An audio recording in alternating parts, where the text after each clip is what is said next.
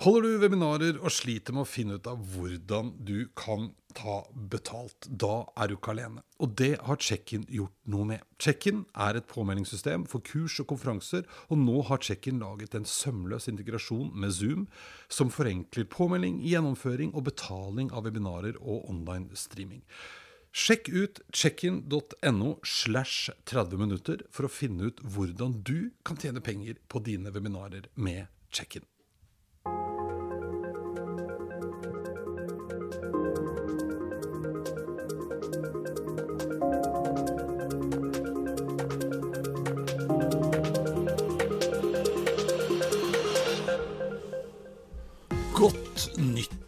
År.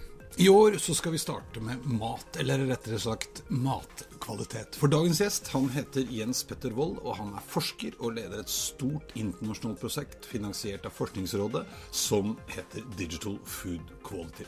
Dette det blir en litt nerdete prat. Det skal handle om bruk av sensorer, AI, data og analyse og roboter og automatisering for å i første omgang finne metoder for å måle matkvalitet i produksjon men som også skal se på hvordan man kan bruke den dataen man fanger inn, til å optimalisere hele verdikjeden. Dette handler om bærekraft og om hvordan vi kan produsere mer effektivt, riktigere og bl.a. sørge for langt mindre svinn, f.eks. Jens Petter han har studert elektro på MTH, eller NTNU som det vel heter nå, og har bl.a. jobbet med, med lys og matkvalitet. Han har en doktorgrad fra Universitetet i Ås, og i dag så skal vi altså snakke om mat og matkvalitet. Dette det er 30 minutter inn i fremtiden, og jeg er Eirik Nordmann Hansen. Sånn. Hei, Jens Petter. Hei, hei. Velkommen. Ja, takk. Hyggelig å være her. Takk skal du ha. Det er hyggelig at du kom. Takk for sist, forresten. Jo, jo. Ja. Vi ble jo kjent nå det, det, var vel rett og slett et slags Ikke stiftelsesmøte, det skjønner jeg, men det var vel et slags kickoff, heter det. Ja. Eh, for et helt nytt uh, initiativ. Ja. Fortell litt om det. Uh, det var kickoff for et svært prosjekt som vi har fått innvilget fra Forskningsrådet. Mm. Såkalt SFI, Senter for forskningsdrevet innovasjon. Det er, ehm, det er eh, sånne bevilgninger som Forskningsrådet gir av og til eh, til eh, spesielle forskningsområder som de har tro på, som mm. kan bidra til innovasjon i Norge, da, primært. Og det senteret, det heter Digital Food Quality, altså digital matkvalitet. Ja, for det er mat og matproduksjon og det det ofte handler om? Ja. ja. For dette er en del av uh, noe annet, er det ikke det? Jo, altså jeg, eh, jeg jobber jo som forsker ja. på eh, et forskningsinstitutt som heter Nofima. Mm. Og der jobber Nofima jobber med alle mulige slags forskning på, på, mat, egentlig. Alt fra mattrygghet og bakterier og pakking og, og, ernæring og sånt. Mens det jeg driver med, jeg, jeg jobber med å måle matkvalitet eh, sånn kjapt. Og sånn at du kan måle matkvaliteten direkte i prosesslinja. Ja. Eh, så man kan f.eks. sortere mat av ulike kvaliteter til ulike markeder. Eller man kan uh, måle kvaliteten på den maten som kommer inn, uh, som gjerne varierer masse. Mm. Og Det er det som er, det er et kjempeproblem ute i matindustrien. At uh, det kommer f.eks. poteter inn, og så skal de lage pommes frites. Og så er det sånn at innholdet i potetene, f.eks. vanninnholdet, varierer ganske mye. Og hvis man da kan måle hvor mye som er der, så vet man eh, hvordan man kan behandle de potetene best mulig for å få både best mulig kvalitet og også minst mulig svinn. Ja. Som er kjempeviktig Kjempe, i dag. Ja, ja. ja for det, og Nå ble det mye på en gang, men for det er litt det det handler om. Det er ikke bare liksom å sørge for at vi får best mulig mat, men det er i forhold til som du sier, sortering. Noe kan brukes til noe annet istedenfor at det går feil i produksjonen. Eh, sørge for at produksjonen blir så effektiv og kostnadseffektiv som mulig. Ja. Eh, så vi skal både liksom lage arbeidsplasser, lage god mat og trygg produksjon. Ja, det er egentlig det. Så at, uh, det vi gjør, er at vi, vi lager sånne målemetoder. Mm. Og sånn isolert sett uh, så er det ok, det er en, en målemetode som f.eks. kan måle ta fettinnhold da, i laksefileter. Mm. Og så kan man måle fettinnholdet i hver eneste laksefilet som farer forbi på et, eh, et belte. Kanskje to stykker i sekundet.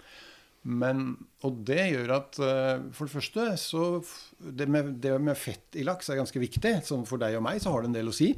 Eh, Men det med fett i laks har også mye å si for hva, hvordan bruker vi den laksen her best mulig. Fordi det er sånn at de som liker sushi og i Østen så vil de gjerne ha ganske feit laks, for det, det blir den beste sushien. Mens hvis du skal røyke den laksen, eh, da vil de ha den ganske mager. Eh, For ellers så begynner fett å renne av sånn når du røyker den.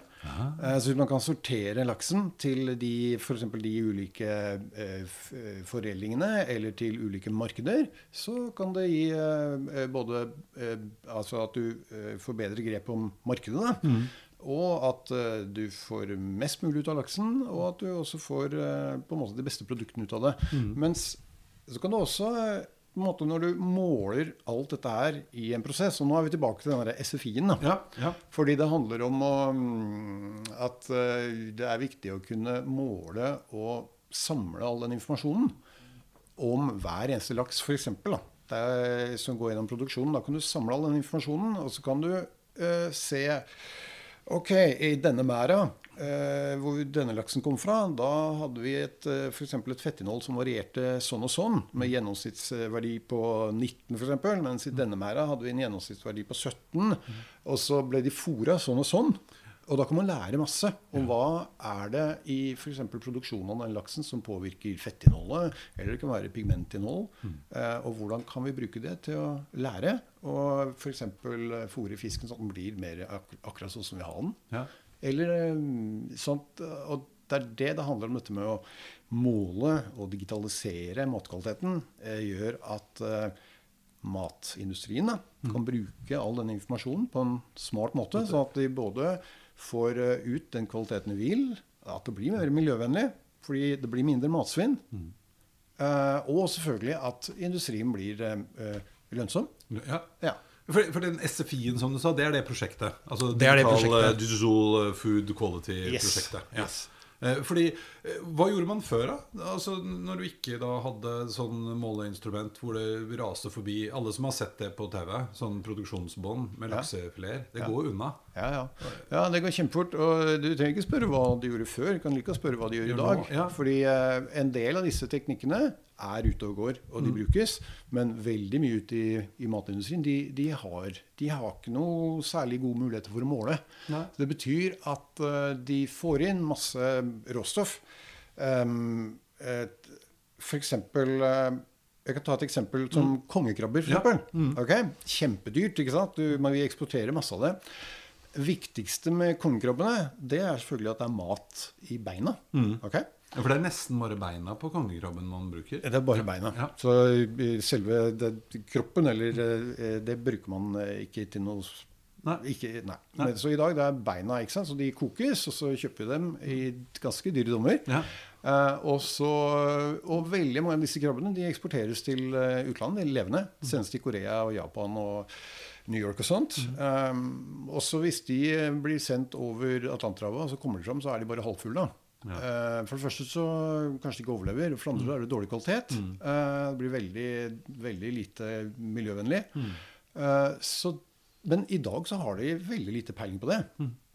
Men så har vi laget en metode som gjør at man kan måle faktisk da, hvor mye mat som er i, i beina. Beina, ja. Og så kan de sortere de krabbene. Og så kan de sende de, de som er fulle, kan de da sende av gårde med fly verden rundt. Eh, og de som er eh, halvfulle, kan de gjøre noe annet med. Annet med, ja. Og lage andre produkter enn en, en akkurat eh, eh, å sende dem over, over dammen. Da. Ja, ja. Eller sånn som nå har vi begynt å Kanskje de kan prøve å levendelagre dem og fòre dem opp sånn at de blir eh, feitere. da. Feitere. Ja. Ja.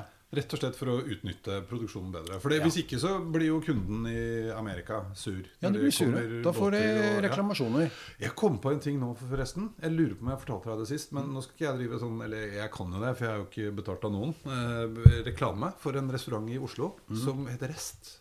Ja, jeg Ja, hørt om og, den. og de bruker jo faktisk eh, Fordi at på kongekrabben så Hva heter den der flappen? Den som er liksom Den er vel over kjønnsorganet, rett og slett? Eh, Ja. Ja, Den heter noe. Men den har det samme kjøttet i seg som beina.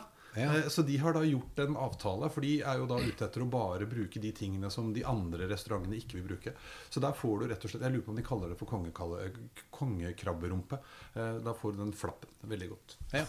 ja men liten digresjon. Ja. Men, men du fortalte altså Kongekrabbe var én ting, men du har vært med på et annet prosjekt òg, som var vanlige krabber. Ja, ja. Sånne taskekrabber. Ja, for det er, Taskekrabber det er sånne brune, sånne som Det er de de brune. vanlige- Det er de vi fisker på Sørlandet. Ja, ja. ja. Ja, fordi eh, der er det også sånn at eh, eh, en bedrift i Norge kan få inn kanskje 50 tonn sånne krabber da, i, i døgnet fra fiskere som leverer til dem. Og så prosesserer de dem og eksporterer til Italia og Frankrike og, og sånt noe. Eh, Men eh, når de, alle de krabbene kommer inn levende? De, det er helt umulig å vite hvilke som er fulle og hvilke som er tomme. Så før så forsøkte de å sortere etter beste evne. Eh, Men det er kjempevanskelig. Så det betyr at i verste fall da, så sender de tomme krabber til, eh, til Italia. Italia. Og da kjøper de ikke flere krabber. Ikke sant? Da blir de sure. Eh, å åpner krabber på en, eh, en fin restaurant, ikke sant? så er det ikke noe der. Er det ikke noe der? Nei. Nei. For alle vi som har fiska krabber, har opplevd det. Ja, ja, Så fornøyd, fått masse krabber, Ja. og så åpner hun, så er det ingenting inni. Nettopp. Og, og når man driver en svær bedrift og eksporterer, og sånn, så er det innmari dumt. Men eh, da for noen år siden så lagde vi et eh, system eh, som gjør at eh, man kan måle to krabber i sekundet. Og det er såkalt sånn hyperspektralt kamera. Som hyperspektralt kamera. ja, det er sånn kamera. ikke sant? Eh, Vanlig kamera det er sånn eh, R, RG og B. Eh, Du, du kan ta bilde av farger. Ja. Akkurat som øynene våre. Mens et hyperspektralt kamera det tar bilder i, i det nære infrarøde. Jeg, jeg kan forklare det litt bedre, men det tar bilder i et område som vi ikke kan se. Ja. Og i det området så ser du ikke farger, men du kan se fett og vann og protein. Og så kan du til og med se gjennom skallet på krabbene. Det betyr at eh, når den krabba fyker under det her systemet, så kan man få et eh, bilde, og det viser da hvor mye kjøtt som er i krabba, og hvordan det er fordelt og sånt. Og så kan den bedriften bruke det til å sortere krabbene i tre ulike eh, kvaliteter. Da. Sånn at de, eh, da vet de at de fulle, de får de fulle som de koker he hele, og så sender de dem til og eksporterer dem, sånn at de får fornøyde godt betalende kunder i, eh, nedover i Europa. Og de som er sånn halvfulle, da lager de, lager de sånne skjell som vi finner i butikken, som de har satt sammen ikke sant, med en klo i. Og så hvis de er tomme, så bruker de bare klørne. Bare klørne. Ja. Og det er jo en måte å optimalisere hele, hele produksjonen som de ikke kunne før. Og en, enda en ting, da, hvis vi går tilbake til det her med måling og digitalisering, så har du jo der også muligheten at hver eneste krabbe blir målt.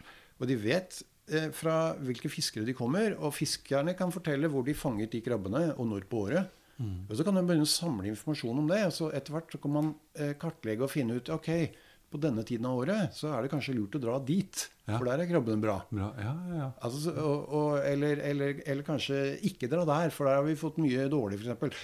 Sånne ting er det man pønsker på å prøve å få til. da. Ja, ja, for dette blir jo, Nå snakker vi virkelig big data. Nå har jo mange begynt å snakke om at vi ikke skal snakke så mye om big data. Men eh, her kan man jo samle inn enorme mengder data som man Ja. kan bruke til andre ting også enn bare å sørge for å få best pris fra riktig restaurant i Frankrike. Absolutt. Ja. Så dette, dette er big data. og Dette er en del av denne eh, tanken vår. Da, ikke sant? Om at eh, når man måler eh, alt dette her, så kan det faktisk brukes til en god del nyttige ting. Og så, og så de her Jeg har, jeg har et sånn derre hatt sånn motto egentlig fra da jeg begynte å jobbe med dette her. Fordi det er Altså eh, disse metodene som vi jobber med, det kalles for eh, spektroskopiske metoder. da. Ja, Og spektroskopisk, det lovte du at du kunne forklare. Ja, Ja. ja, det, det skal jeg forklare. Så jeg sa akkurat at med et vanlig, vanlig kamera så tar du bilde av, eh, av verden rundt oss, og så ser du alle fargene. Men med andre med, når du, da, da vi, sant, vi ser fargene fra, fra lilla til, til rødt, men utafor det røde så er det jo masse, fremdeles masse bølgelengder, da, men som vi ikke ser. Som du kommer ut i det nære infrarøde. Og, så, eh, og, og da eh, i, det nære infrarøde, det kan ikke vi se, men man har masse kameraer og sensorer som kan se i det nære infrarøde. Og der ser du ikke farger, men der kan du f.eks. se sånn som jeg sa, du ser fett, du ser vann, du ser protein, du kan se sukker. Du kan se forskjellige fettsyrer. Altså Det er masse rart du kan se der. Du kan se harskningsprodukter. Altså Du kan se om noe er eh, harskt eller ikke. Ikke, altså dårlig. Og dårlig, ja. Ja. Om det er oksidert. Ja. Ja. Eh, sånn at du kan f.eks. Uh, se Eh, med spesielle kameraer eh, så kan du se sånn solsmak vet du, på rømme. Hvis den har vært eksponert for eh, lys i butikken eller sol. Sånne ting kan du ta bilde av. Ja, det er sånne ting som vi driver med, da. Ja. Det, det, er deilig nerdete der. ja, dette er skikkelig nerdete. Men, men det, poenget er at det er det som er noe av kjernen her. Det, er det, som er noe, det er det som er teknologien. Så Mm. Det høres så greit ut å si at ja, men vi bare måler matinnholdet i krabbene, eller vi, Mm. vi måler hvor mye fett er i laksen. Men det er basert på ganske sånne kompliserte ting, da, og Mm. kunnskap om om eh, både eh, fiskens og krabbens fysiologi, men også om hvordan lyset interfererer med, med vev og med ulike molekyler. Så det er ganske eh, komplekse greier. Det Men det går an å lage instrumenter som fungerer bra. Da. Mm. Ja, for nå begynner vi også å bevege oss ut i liksom sensorikk. Og, en ting er kameraer og ting som dere bruker når dere raser forbi på, på samlebåndet. Men dette kan man vel flytte enda lenger ut i, i si, produksjonskjeden også, med mer sensorer og samle inn data, vite når ting er klart i større du. grad. Ja. Ja. Så det jeg skulle si da, Nå har jeg forklart hva eh, spektroskopi er. Så, det, så som Jeg sa, det, det, jeg har jo i mange år hatt et sånt mitt motto. Mm, Det har vært et sånn spektroskopi to the people. Ja, Altså fordi det er bra. Ikke sant? Ja. John Lennon han sier Ja. 'power to the people', men jeg sier 'spektroskopi to the people'. Fordi jeg har tenkt at ok, en ting er at man kan bruke det industrielt, men, men nå kommer det jo mer og mer sånne små dingser Mm. eh, som folk kan koble til iPhonen sin, f.eks. Og så kan man gjøre sånne målinger selv. da. Ja, ja. Eh, sånn at eh, Det jeg ser for meg, er jo at eh, det trenger ikke ta så mange år før du kan sitte på Sørlandet eller hvor det er, eller på Vestlandet, og, og så tar opp krabber i båten. Og så kan du bruke enten mobilen din eller en eller annen liten dings. eh, Så kan du faktisk måle hvor mye kjøtt, kjøtt det er i den krabba. Og det er jo egentlig helt fantastisk, fordi det er jo ikke noe vits i å drive og ta livet av disse dyra hvis ikke det er noe i dem. Det er mye mer bærekraftig. Ja. Hvis du kan måle at denne her er full, den tar vi. Og denne her er halvfull, den lar vi gå. Ja. Jeg fortalte deg før vi begynte at eh, jeg er jo gammel dykker. Eh, Mm. Og jeg lærte jo av en eller annen en gang at eh, en måte Eller det var større sannsynlighet for at det var mer mat i hunnkrabbene enn i hannkrabbene. Mm. Så det vi drev med når vi plukka krabber, når det var mye krabber For det var jo sånne krabbeår, husker jeg. Det var jo litt skummelt nærmest når du hoppa ut i vannet og det krydda krabber. Men det var å se om det var hunnkrabber. Og Mm. så tok vi bare hunnkrabber. Og så satt han kompisen Petter som han het oppe i båten og banka på skallet, for han mente at han kunne høre om det var mye mat eller ikke. Jeg vet ikke om han kan det, men uh, det var jo en slags forenkla versjon av det. her. Jo, jo, men det er, det er jo sånn. Og det er sånn du spurte i seg hva gjorde man før, men det er det man gjør i dag òg. Kongekrabber, du bare klemmer på beina, og så ser du liksom Ja, jeg tror det er, jeg tror det er 70 Ja. Så klemmer de. Men hvis det er én fyr da, i hele bedriften som er god på det, Ja. så blir det mange krabber å klemme på. Ja, og det blir jo ekstremt ineffektivt. Ja, Men, men, eh, så, men jeg syns jo dette er veldig spennende, for dette handler jo nettopp om altså Det er litt mer enn å bare liksom gjøre effektiv prosess og levere riktig krabbe til riktig restaurant. Eh, Dette handler jo om å skape både mer bærekraftige bedrifter. Altså Som du sa i stad, du skal sikkert ikke ha så mange dårlige leveranser et eller annet sted med tomme krabber før de går til et annet sted og kjøper. Eh, Men, men også utnytte ressursene bedre og legge til rette for liksom en mer bærekraftig produksjon. Eh, Men hvor, hvor langt har vi kommet? Altså, du sa det er fortsatt mange som driver med dette på gamlemåten. Er det først nå det klinker til? Det har vært en, eh, en utvikling over, mm. over år, eh, hvor kanskje for 20 år siden så begynte man så smått med sånne det jeg kaller for ikke-destruktive målteknikker. da, Ja. eh, Som bare måler på maten når den, når den durer forbi. Ja. Eh, og så går det egentlig ganske langsomt. Og det er fordi eh, det jeg sa, at det er ganske komplekst. da. Dette er, Mat er veldig komplekst. Akkurat som vi mennesker og menneskekroppen er kompleks. ikke sant? Det er naturen. Eh, og så prøver man å gjøre målinger på det, og så er det egentlig eh, ikke alltid så lett. Eh, så man kan få til mye på laben f.eks., men når man prøver å ta det ut i en prosesslinje, så Oi, nei, det var vanskelig. Vanskelig. Men er det noe med teknologien? Jeg mener Du sa det en gang når vi snakka sammen, at altså, det er mye historier om ting og teorier om greier vi skal få til, men så er liksom ikke teknologien god nok ennå, eller sensorene er ikke stabile nok, og, og er vi liksom litt kjappe noen ganger? Ja. Eh, Jeg nevnte i sted at det har kommet en del sånne bitte små spektroskopiske Ja. dingser som du kan kjøpe nå. For eh, noen koster 3000, og noen koster 30 000. Og så Mm. står det i reklamen at de kan måle alt mulig. Kan måle allergener og masse Mm. sånn. Det er bare tull. Eh, men det er en del ting man faktisk får til veldig bra. da. Ja. Eh, sånn at eh, for, um, for en del år siden, i eh, la oss si 15 år siden, eh, så eh, hadde vi et utviklingsprosjekt. Eh, jeg jobbet sammen med mm, folk fra Sintef, og da laget vi et system som kan måle vanninnhold i klippfisk. ja. Ok, Klippfisk, det er den viktigste kvalitet, eller noe av det viktigste i klippfisken, det er vanninnholdet. Eh, fordi eh, der er det også sånn at de i Sør-Amerika og i Italia og sånt, de vil ha Ja, klippfisk skal være rundt eh, kanskje 50 vann, da. Eh, og så lagde vi et system som faktisk kunne gjøre det. Måle vanninnhold i hel klippfisk. Uh, og så ble det system Og det gikk kjempefort. Og så ble det systemet mm, videreutviklet sånn at det kunne måle fettinnhold i, i kjøtt. Og, og hvorfor er det viktig? Det er fordi når man omsetter store batcher med kjøtt i, i, i industrien, da det prises egentlig i henhold til fettinnhold. Så at jo mer, ja, jo mer fett det er, da, jo lavere pris er det. Så det betyr at når en, noen, en bedrift som skal lage pølser, eh, de skal ha kjøtt med sånn og sånn fettinnhold, og så kjøper de det fra en, eh, en produsent, Nortura f.eks., og så får du det, og så mener de at nei, men her er det, her er det for mye fett. Her er det 26% fett, men det skulle bare være 23 Ja. Og så kanskje de begynner å krangle litt om det. Men, men eh, da har disse systemene kommet inn for fullt og brukes. Eh, blant, annet basert på det systemet vi laget, som i dag lages av Tomra. Som eh, de fleste Tomra? tenker på flank, eh, eh, flaskepanter. Ja, ja, yes. Men uh, Tomra har slått seg opp på dette her. Ja. Uh, så de lager nå disse maskinene som basert på det som kalles for nærinfraspektroskopi. Så kan de måle fettinnholdet i alt kjøttet som passerer under den maskinen. Mm. Og så kan de si at i disse to tonnene her, for eksempel, så er det 14% fett. Og så, Mm. og så kan de som får det, bruke det eh, til å få best mulig pølser, f.eks. Ja, Eller best mulig karbonader. Fordi ikke sant, når du skal lage pølser, så er jo det en oppskrift, òg. Mm, Du skal ha så mye fett, du skal ha så mye av den type kjøtt, og så mye ditt og datt. Så jo mer man vet om råvarene her, jo bedre er det. Ja, ja, ja. Ja. ja. Nei, men, og, og da, som du sa i stad, hvis du kan lære noe om hvordan man fikk til det kjøttet med 17% fett, basert på eh, kunnskap om hvor det kom fra, hva de har fôra det med, alt det der, så kan man vel sikkert også da sørge for at det blir mindre svinn. For før så tipper jeg på at da var det ganske mye som liksom Det der er for dårlig, så det blir pælma. Eller det, blir det, det kunne være. Eller, man, eller de kunne ikke bruke det til eh, det kostbare produktet de hadde tenkt, fordi det var ikke av riktig kvalitet. Mm. Og så kan de bruke det til noe som er mindre kostbart. Eh, dyrefôr eh, kan det også bli. Mhm.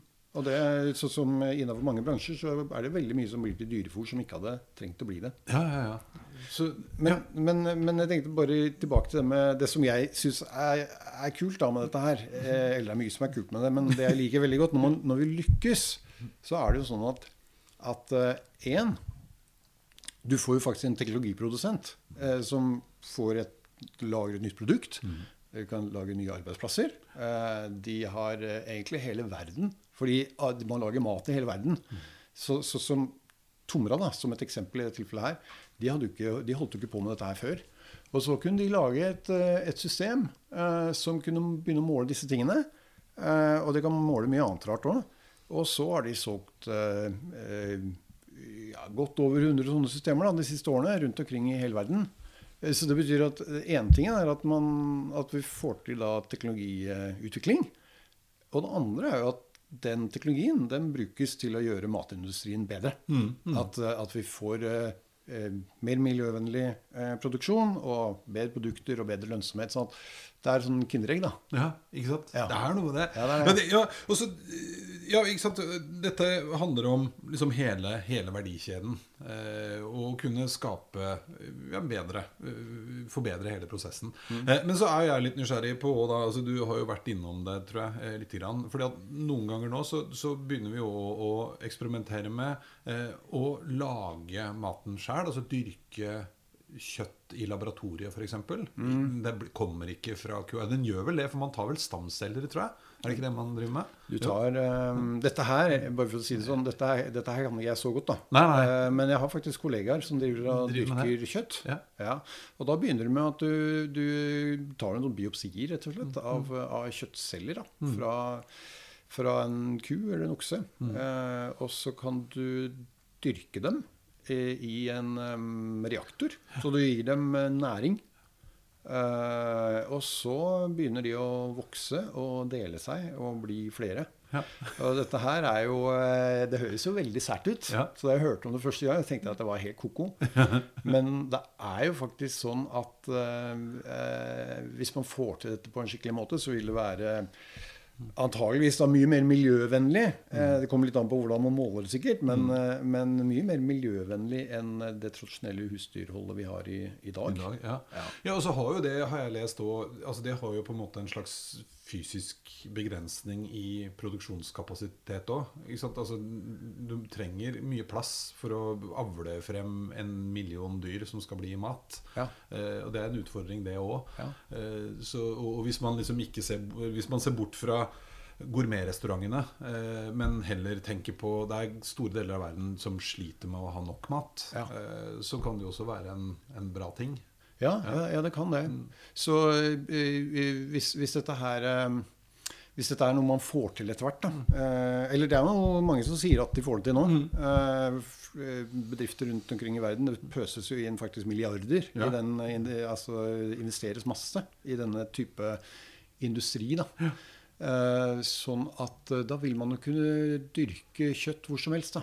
I en reaktor, i en tank, på en, enten det er en gård eller om det er i Sahara eller et eller annet sånt. Og så så lenge du har utgangspunktet, og så har du de næringsstoffene du trenger. Eh, så sånn sett så kan det hende at det kan være en, en bra løsning både for å fø eh, en voksen befolkning ma- altså med animalske protein, da, og, og samtidig at det er faktisk eh, man kan gjøre det, og, og at det er et bedre alternativ i forhold til klima og miljø. Mm. Ja, selv, ja, om det- det, selv om for de aller fleste vil det høres eh, ganske eh, ja, perverst ut, eller, eller veldig rart. Ja, ja, ja.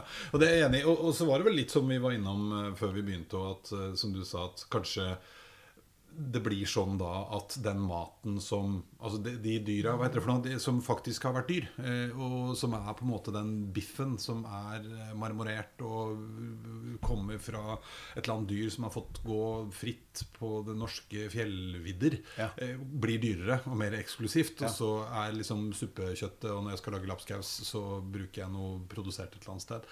Men, men er det noe annet man kan produsere? Er det noen begrensning på det? liksom? Altså, jeg har bare hørt om på en måte kjøtt, da, sånn type storfekjøtt. Er det noe annet man kan produsere? Altså, eh, Hvis vi snakker om eh, å dyrke celler, da, eller Ja. sånne, da mm, Som sagt, dette her eh, det, det, det er snakk om at man kan gjøre det samme med laks òg. Ja. Eksempel. Eh, altså, dyrke laksekjøtt. Det, jeg vet ikke om det er noe spesiell, eh, om det er noe vanskeligere. Eller så, så har man også helt nye mm, teknologier som i og for seg ikke er så nye, for man bruker det i dag til å lage medisiner. Men det er noe man kaller for eh, eh, presisjonsfermentering. Ja. Så ikke sant, man har jo I alle år har vi holdt på med fermentering når vi lager øl og sånt. Men, men i dag så kan man gå inn og eh, modifisere mikroorganismer, f.eks. gjær, til å få dem til å produsere akkurat de matkomponentene ja. som vi vil ha. F.eks. Så, så kan man få I dag kan man produsere eh, melkeproteiner. Ja. uh, uten at det er noe ku inne i bildet. Ja. Og, det, og det, dette her er jo en, en, selvfølgelig en, en mulighet, men det er jo også en kjempetrussel mot, Ja. uh, mot uh, den vanlige konvensjonelle meieriindustrien og ja. mot vanlig landbruk. Mm. Men det er jo noen som tror at dette her kommer til å komme stort, og om ikke så veldig lenge, faktisk. Liksom, man har rapporter som gjerne er litt eh, kontroversielle, som sier at i 2030 så vil eh, vil eh, meieriindustrien i USA omtrent gå konk, og, og, og vanlig tradisjonell kjøttindustri vil slite pga. Mm. sånne teknologier som dette her. da. Ja, for det er jo litt av dilemmaet. Jeg har også lest en sånn rapport hvor de forsket på Da var det, da var det storfekjøtt og Ja. fremdyrking av det. Ja. Eh? Og de, litt interessant rapport, da, for det var jo altså Den ene handelen, halvdelen handlet om på en måte de gode tingene. I forhold til mer bærekraftig, mindre miljøvennlig Nei, mer miljøvennlig, mindre miljøforurensende. Eh, og ikke minst at den produksjonen, fordi ting nå ofte går eksponentielt, så, så vil kosten ved å produsere kjøtt bli mye mye lavere enn det den er i dag. Eh, og som ville gjøre at man kunne eh, fòre større deler av verden som man i dag ikke har råd til å fòre eller ikke kan. Eh, mens baksiden var bl.a. det du sa. For den amerikanske, land, det land, amerikanske landbruket, som er enormt. Jeg tror I Norge så hadde vi sikkert klart å bære den kosten. Det er tross alt ikke så mange, men der er det helt vilt, og da får du liksom et annet kjempeproblem. Da. Men, men eh, for det, det er jo litt fascinerende når du snakker og tenker på at hvis man kan lage de forskjellige komponentene jeg trenger for å lage forskjellig type mat altså, Nå så jeg plutselig for meg sånn Jeg husker bestemor hadde sånn eh, Ikke krydderhylle, men de hadde sånne skuffer hengende under kjøkkenet med ris og mel og sukker og Ja, sånn. ja, ja. Kan du ha alle de tingene. Så i dag har jeg lyst på laks. Så da tar vi én skje sånn og to ja. og rører sammen, så poff, så har vi laks. Ja. Ja. Eh, Tror du det blir sånn? Nei, jeg tror ikke det blir sånn. Altså. Jeg føler når jeg, når jeg tenker på disse tingene her, så det, føler jeg meg ganske sånn eh, bakstreversk selv. da. Ja. Eh, fordi jeg er veldig glad i tradisjonell eh, mat, og jeg er veldig glad i å holde på på kjøkkenet og sånt. Ja. Men, men, eh, men det er klart at eh, i sånn eh, I den store sammenhengen så tror jeg jo at disse tingene kommer til å komme på en eller annen, på et eller annet nivå. Ja. Og at til å begynne med så vil det, vil det jo gå Det vil jo være eh, antageligvis plass til begge deler. Eh, ikke sant? Du, vil ha begge deler. Og, og sånn som du så vidt nevnte, at det kan jo hende at La oss si at man klarer å dyrke kjøtt da, på et eller annet visst nivå. så er det, det er jo ikke sikkert at det blir så innmari godt. Altså i, I en sånn rapport så står det et, Det er mulig jeg lest samme rapporten, men da står det at da kan du lage kjøttprodukter som er akkurat sånn som du vil, og akkurat så gode som du vil, og Ja. akkurat så møre som du vil. Men det eller skal jeg love deg, det er kjempevanskelig. Ja, nei, for Det har jeg også hørt. For jeg, jeg kjenner en som har fått smake på sånn laboratoriekjøtt. Ja. Og han sa det var ikke spesielt spennende. Altså, det var mer det at det var, smakte ikke vondt, men smakte bare ingenting. Ja. Og da blir det litt ekkelt, for du får en eller annen slags sånn udefinerbar klump som faktisk er litt blodig. Ja.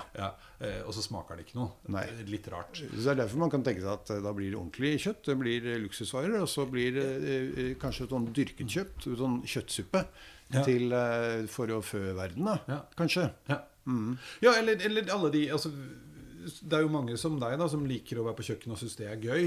Eh, men man har jo som regel ikke anledning til å drive med det hver dag.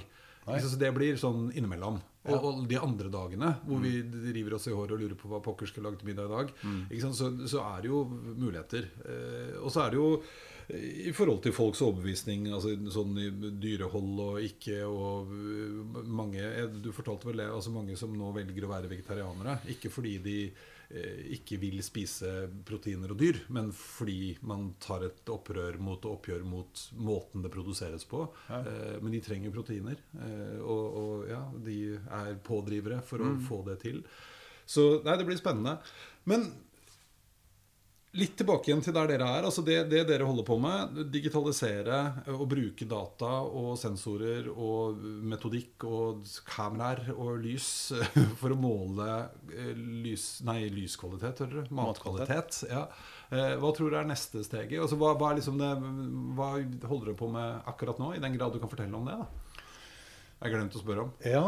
ehm, akkurat nå så driver vi på med en eh, stadig utvikle nye metoder som kan måle eh, eh, matkvalitet. Da.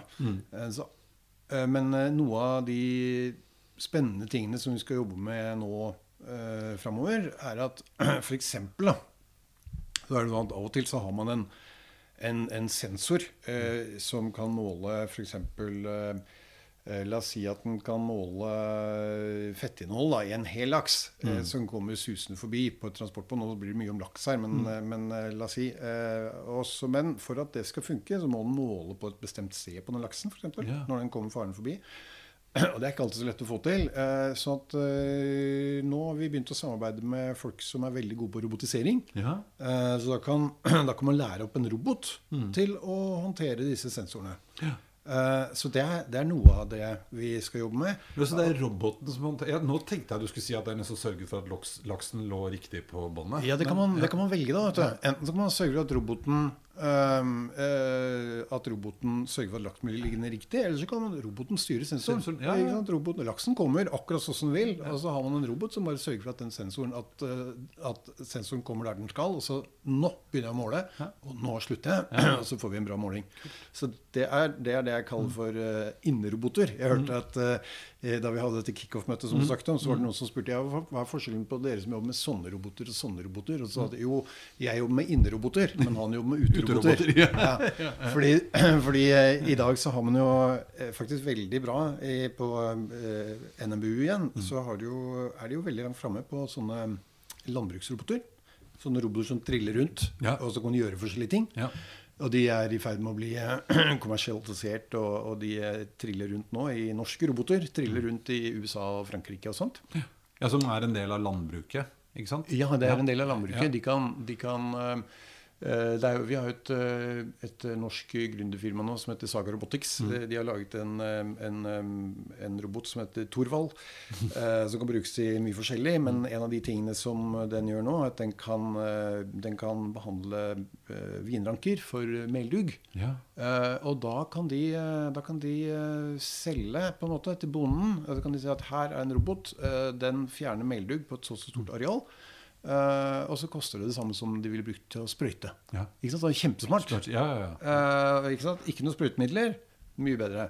Men de robotene de, de, de skal vi også jobbe med i dette prosjektet. De, av og til så får, har de oppgaver. F.eks. så er det jo en robot som de eh, og utvikler for at den skal plukke jordbær. Ok? Eh, og uh, all, for oss mennesker så er det greit å gå og plukke jordbær, for vi plukker, og så tar vi bare de som er modne. Eh, og så ser vi sånn ganske godt hvilke som er modne. Men for en robot så er ikke det der så lett Nei. å se hvilke jordbær er, er som er modne. For det er ikke alltid at det fungerer så bra bare med et vanlig kamera. Eh, og da kan vi også sette på Det er planen, da. Siden du spurte hva er det vi driver med nå. Ja, ja, ja. Eh, at eh, man, man kan utvikle og sette på sensorer på en sånn robot som gjør at eh, den, når den ser et, et, eh, et jordbær, eh, så kan den se fargen, men kanskje kan måle sukkerinnholdet, og kanskje kan måle smaksegenskaper. Og så finner den ut om den skal plukke det jordbæret nå, eller om den skal vente i to dager. Ja. Og, så, og så gjør den en mye bedre jobb da, Ja, ja. enn om den ikke klarer å se det. Og Det, er jo, det syns jeg er et helt nydelig eksempel. For det har vi også opplevd alle sammen. At du stopper ved veien og kjøper en kurv med jordbær. Og så er det, ikke sant, De ser helt nydelige ut alle sammen, men så er det noen som er helt fantastisk søte, og så er det noen som ikke er det. Ja. Og de skulle antagelig hengt i én eller to dager til. For eksempel. Ja. Ja. Det er jo helt Så det er et, uh, veldig stilig. Og, den, og der er også snakk om det du kaller big data. For den, den roboten den kan jo gå, uh, gå rundt på de der jo- jordbærrankene. Dette er sånne jordbær som vokser på bord. da. Og så, så registrerer den jo hvert jordbær Ja. eh, hver eneste dag. Så den har jo i, i sin lille hjerne så har den jo informasjon om alle bærene. Ja, for Den husker du faktisk. Ja, den husker mye bedre enn meg. Og så kan du huske at ok, det, det jordbæret der målte jeg Eller dette kan vi tenke oss, da. Ja. Det målte jeg i, i forgårs, så det var, det var ganske bra da. Jeg tipper jeg tar det nå. Ja. Og så kan den gå til å hente det jordbæret. Og Det her synes jeg, det illustrerer jo på en måte det dere holder på med, på en veldig god måte. For det handler altså ikke bare om å gjøre det griseeffektivt for de som produserer og selger noe. De skal hjelpe de også, men også hele produksjonen. Og sørge for at alt blir av bedre kvalitet. Eh, fantastisk spennende. Hvis vi hever blikket litt grann nå Du har vært innom det, men altså 2030 har jo blitt et slags sånn merkeår. Det var jo noen som en gang regna ut at det var da datamaskinene skulle være like smart som oss. Så har man vel gått bort fra det nå og sagt at man tror at den kanskje sånn i, i, i kraft har like mye kapasitet. Den er ikke like smart allikevel, men den har i hvert fall like mye kapasitet. Men hva, hva, tenker, hva tenker du om 2030? Hvordan ser verden ut i 2030? Det er ti år til. Oi, ja, det var et vanskelig spørsmål. Uh, nei, vet du at det jeg um, Jeg jeg tror, og det jeg håper altså jeg, jeg er litt eh, jeg, jeg, jeg, eh, ser at vi har en kjempeutfordring. Og jeg, eh, jeg er egentlig ganske bekymret for klimaendringer og, og sånt, og menneskeskapte klimaendringer. Jeg ser at det, det går, går jo eh, gæren vei. Men samtidig så tenker jeg at eh, vi har muligheten til å, å, å jobbe bra med dette her. Så det jeg håper jeg håper, er at vi faktisk ser en del sånne eh, drøye endringer. Eh, litt sånn à la det vi snakket om. Mm. At man finner løsninger som er mye mer miljøvennlige enn mm. en, en det vi har i dag. Og at, og at, det blir på en måte, at det blir aksept for det, fordi man mm. skjønner at det er kjempeviktig. Mm. Um, og så er det sånn at jeg selv har vært Jeg syns det virker veldig sært med med ja, sånn eh, la oss si, kunstig dyrket kjøtt og sånt. Men hvis, jeg tenker at hvis sånne løsninger faktisk kan, eh, kan eh, bidra til at vi får en, mer, en, en, verden i litt mer balanse, en mm. natur i mer balanse, så, så er jeg for, jeg, altså. Ja, ja, ja. sånn at